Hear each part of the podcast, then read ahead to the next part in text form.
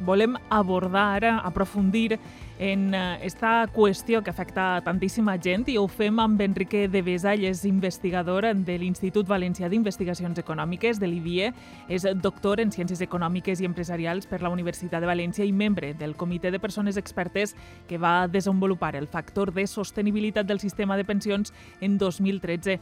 Bona nit. Bona nit, hola.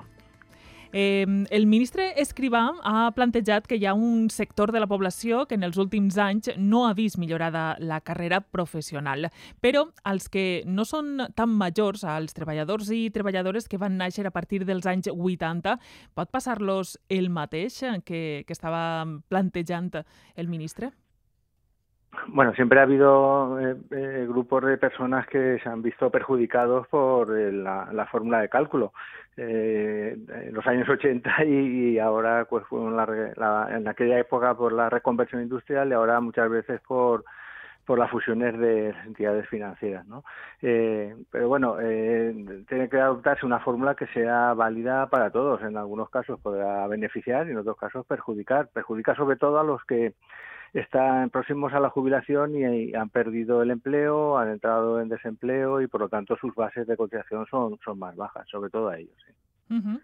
I allargar, allargar l'edat de jubilació també pot anar en perjuí de la gent més jove, almenys és la percepció. Espanya és un dels països de la Unió Europea on l'atur juvenil té les xifres més altes. Com, com ho valora eh, això?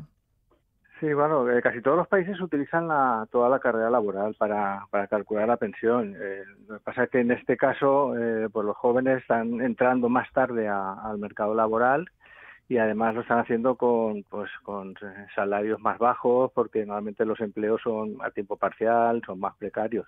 Eh, naturalmente eso eh, puede hacer que su pensión sea más baja, a no ser que la, las etapas posteriores de su vida activa, de su vida laboral, puedan compensar esa, esa, ese menos salario con unos salarios más elevados. En definitiva, un sistema de pensiones trata de pagar en pensiones algo similar a lo que ha contribuido una persona. Entonces, no deberíamos perder tampoco de vista eso, que el que hace un mayor esfuerzo contributivo también debe obtener una recompensa mayor en forma de, de pensión. Uh -huh.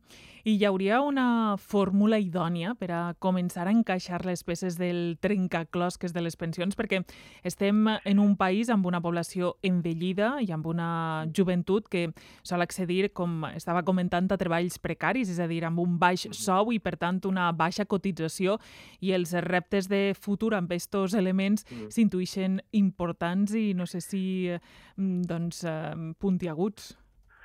Sí, es un problema de difícil solución porque ya en estos momentos ya ten, estamos en déficit en el sistema de pensiones y la, el panorama futuro es que se va a empezar a jubilar toda la generación del baby boom en, en, dentro de un par de años aproximadamente y eso sí, sí que sabemos que en 2050 va a haber 15 millones de pensiones.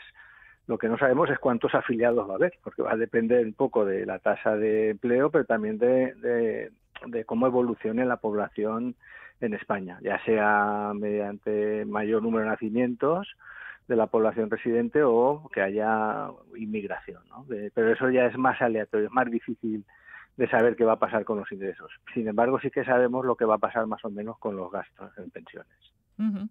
I si, si els preus van a pujant segons eh, han pujat en guany, podria donar-se el cas que l'any que ve, és a dir, el 2023, les persones jubilades que perceben una pensió perden poder adquisitiu pràcticament en el primer trimestre de l'any, haurien de fer un pensament i pujar un poc més del que marca l'IPC? Bueno, está una reforma de las pensiones se aprobó en diciembre del año pasado que se revalorizan con el IPC. Entonces, pues habrá, si no, habría que volver a cambiar una ley que no lleva ni un año de, vigencia. Entonces, yo creo que se va a mantener. ¿eh? Lo que pasa es que eh, hay que tener en cuenta que, aunque se revaloriza con el valor promedio de los años, desde noviembre del año anterior a diciembre, y eso significa que, bueno, pues una persona eh, no compra todos los bienes eh, en un momento a principio de año y a final de año, sino que lo va comprando a lo largo del año. Lo que yo creo que este valor de IPC que se utiliza para revalorizar las pensiones está está bien ajustado a luego a, las necesidades que tienen eh, los tanto los jubilados como los los trabajadores. Lo que pasa, eso sí, es que se hace con un año de diferencia.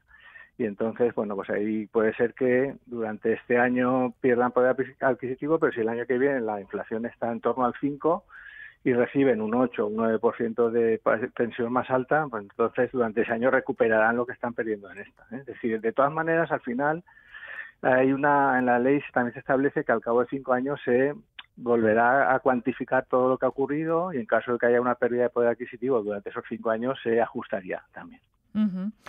Doncs ens hem de quedar amb això.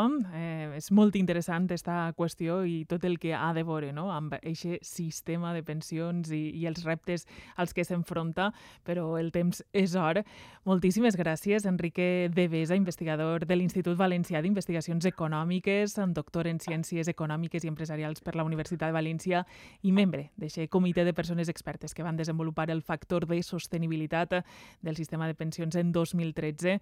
Moltes gràcies gràcies eh, per haver-nos ajudat a entendre millor quina és la situació. Nada, gràcies a vosaltres. Bona nit. Un abrazo. Bona nit.